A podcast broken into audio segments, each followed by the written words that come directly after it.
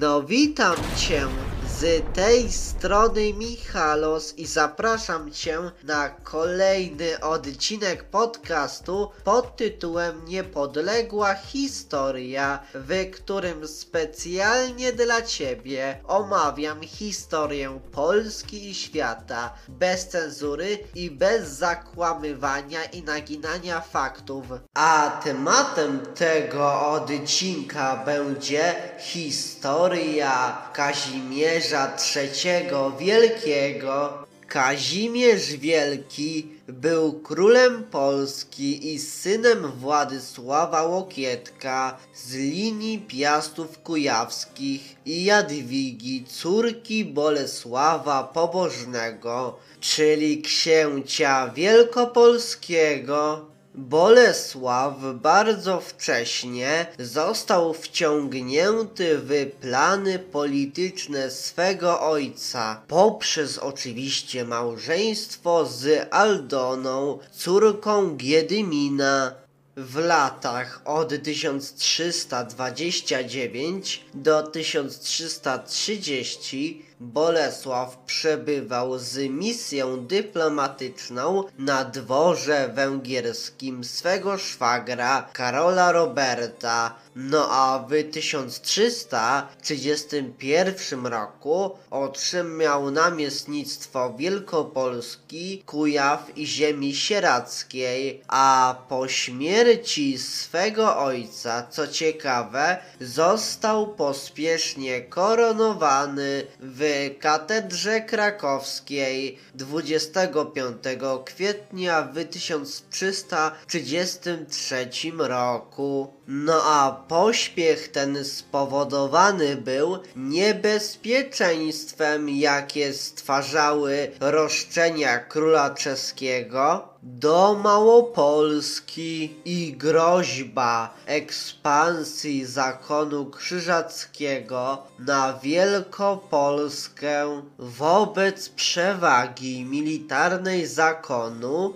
i niebezpieczeństwa sojuszu luksembursko-krzyżackiego Kazimierz podjął, korzystając z poparcia Węgier i przyjaznych kontaktów z papiestwem, zabiegi dyplomatyczne o zrzeczenie się przez króla Czech pretensji do tronu polskiego, no a wstępne układy zostały podpisane w Tręczynie 24 sierpnia w 1335 roku. No a w listopadzie w 1335 roku w Wyszehradzie Kazimierz Wielki zrzekł się na rzecz Jana Luksemburskiego księstw śląskich z wyjątkiem księstwa świdnicko-jaworskiego i praw do księstwa płockiego w zamian król czeski za 20 tysięcy kup groszy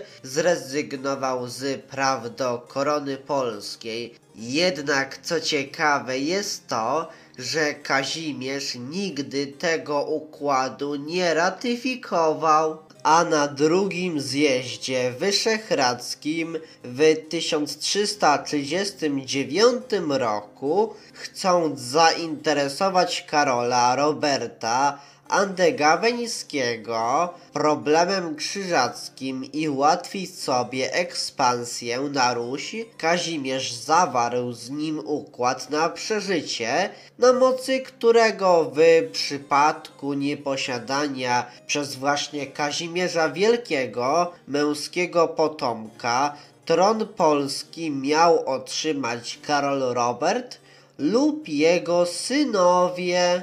No a podobny układ tkwił u podłoża sprawy ruskiej.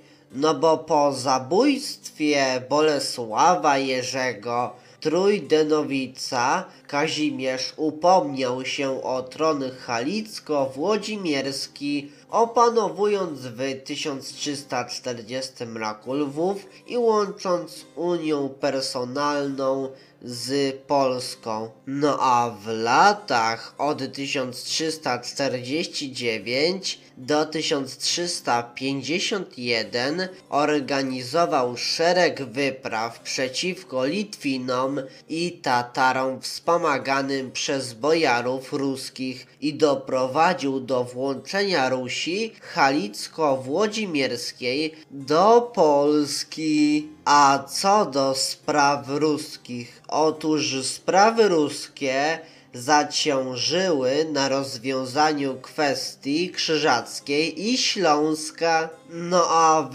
1339 roku Kazimierz Wielki doprowadził, co ciekawe, do procesu z krzyżakami, ale niekorzystnego dla siebie wyroku. Zakon nie uznał, a wobec przygotowań do militarnej rozprawy z Czechami w sprawie śląskiej zdecydował się Kazimierz na zawarcie pokoju kaliskiego w 1343 roku. A co ciekawe jest to, że Kazimierz w 1341 roku objął w zastaw namysłów Kluczbork, Byczynę i Wołczyn. No a w 1343 roku zajął Wschowę, no a w 345 roku wybuchła wojna polsko-czeska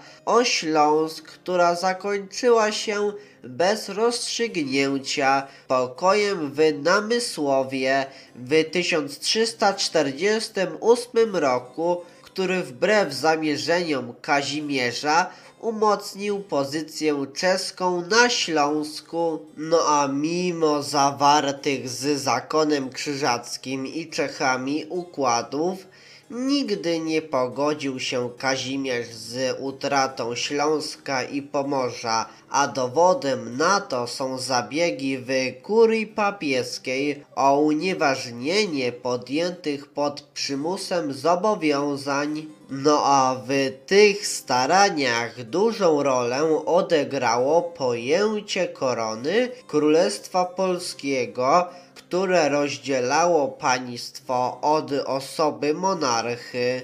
Otóż korona Królestwa Polskiego była oznaką niezależności i była symbolem państwa, któremu przysługiwały zwierzchnie prawa do dzielnic i ziem etnicznie i historycznie związanych z Polską. No a ta definicja korony Królestwa Polskiego doprowadziła do proklamowania zasady niepodzielności i niepozbywalności terytorium państwowego, niezależnie od poczynań poszczególnych panujących władców, przyszłych oczywiście. No a praktyczną realizacją tej ideologii było włączenie Mazowsza do korony w 1351 roku jako lenna oraz uzyskanie w 1356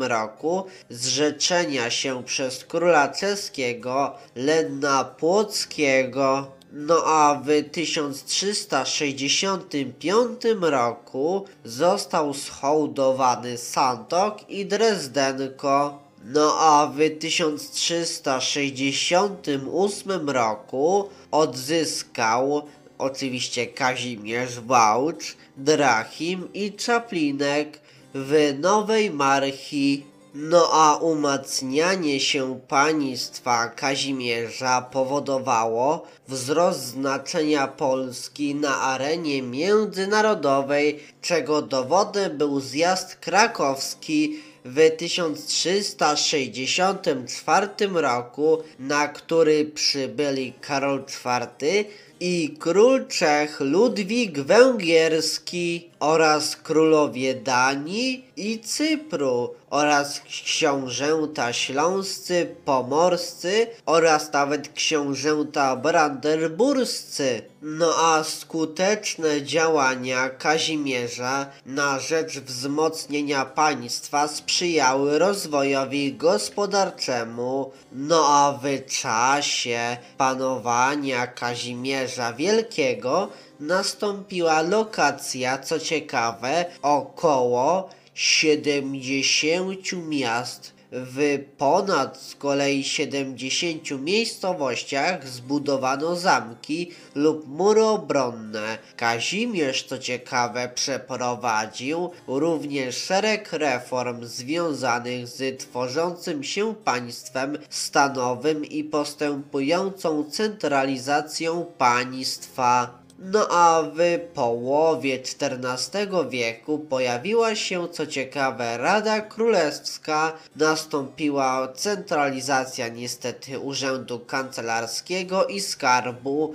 a około 1350 roku skodyfikowano prawo w postaci statutów, które zostały nazwane jego imieniem. A dbając o zasobność skarbu, Kazimierz przeprowadził reformę salin wieleckich, uporządkował stosunki monetarne, a czasy Kazimierza Wielkiego to w ogóle okres rozkwitu kultury gotyckiej w Polsce, a najznamienitszym dokonaniem Kazimierza było powołanie w 1364 roku Uniwersytetu w Krakowie, a najpoważniejszym problemem dla Kazimierza Wielkiego, także osobistym, była sprawa następstwa tronu, no bo w wieku 15 lat zawarł małżeństwo z Aldoną Anną, córką Giedymina Wielkiego Księcia Litewskiego, z którą miał dwie córki, Elżbietę i Kunegundę. No a drugi raz ożenił się w 1341 roku z poręki Luksemburgów z bezpłodną, jak się później okazało, Adelaidą, córką Henryka Landgrafa Hesji. No a po kilku latach separacji w 1356 roku Adelaida Heska opuściła Polskę, a król podjął starania w Rzymie o unieważnienie małżeństwa, co spotkało się z przeciwdziałaniem dyplomacji luksemburskiej i andegaweńskiej. A co ciekawe jest to, że w tym samym roku Kazimierz zawarł morganatyczne małżeństwo z Czeszką Krystyną Rokiczaną, prawdopodobnie wdową po rajcy praskim. No a kroniki podają także wiadomość, że po odsunięciu Rokiczany miał romans z niezwykle urodziwą Żydówką Esterą, z którą według późniejszych badań miał dwóch synów, a ostatni związek małżeński zawarł 25 lutego w 1365 roku z Jadwigą, córką księcia żagańskiego Henryka V Żelaznego. No ale niestety z żadnego z tych małżeństw nie doczekał się męskiego potomka, a w mocy niestety więc przez to pozostawała umowa z Węgrami z 1339 roku, a jej konsekwencją była tak zwana ugoda obozowa w 1351 roku, kiedy to podczas wyprawy na Ruś król ciężko zachorował, a szlachta zgromadzona na wyprawie złożyła przysięgę na wierność Ludwikowi węgierskiemu. No a w 1355 roku doszło do podpisania w Budzie traktatu sukcesyjnego pomiędzy przedstawicielami możnowładztwa polskiego a Ludwikiem, w którym gwarantował on dotychczasowe przywileje ziemskie, a możni uznawali następstwo Andegawenów na tronie polskim. No a nie mogąc doczekać się męskiego potomka, Kazimierz wobec bezdzietności Ludwika postanowił adoptować około w 1368 roku wychowanego na swoim dworze wnuka Kaśka Słupskiego, zapisując mu jednocześnie księstwa dobrzyńskie, sieradzkie i łęczyckie z Grodami, Kruszwicą, Bydgoszczą, Złotowem i Wałczem. Podczas polowania w okolicach Przedboża 9 września w 1370 roku. Król odniósł ranę na lewym kolanie i przez to wywiązała się gorączka, a wiek i nieprzestrzeganie zaleceń lekarzy, no i trudy podróży do Krakowa przyczyniły się do śmierci 60-letniego króla Polski, a podczas śmierci potwierdził sukcesję Kazika. No a pochowany został Kazimierz Wielki już 7 listopada. No a pośpiech przy pochówku Kazimierza podobnie miał jak przy koronacji podłoże polityczne, no bo przeciwnicy opcji andegaweńskiej starali się pochować władcę przed przybyciem Ludwika, ale układ sił politycznych zdecydował o objęciu przez niego tronu, no a ciało króla Kazimierza Wielkiego złożono w katedrze wawelskiej, a grobowiec, co ciekawe, został wykopany już po jego śmierci staraniem siostry Elżbiety lub też samego Ludwika Węgierskiego. No ale w 1869 roku dokonano otwarcia i ponownego pochówku ostatniego z piastów na tronie polskim, a obecny przy tym wydarzeniu Jan Matejko wykonał szkice insygniów królewskich znajdujących się w trumnie oraz na podstawie pomiarów czaski próbował odtworzyć rysy króla. Niestety, ten odcinek dobiega już do końca, więc chciałbym Tobie podziękować za to, że poświęciłeś lub za to, że poświęciłaś swój cenny czas na posłuchanie tego odcinka podcastu Niepodległa Historia. A jeśli spodobał Ci się ten odcinek, to koniecznie podziel się nim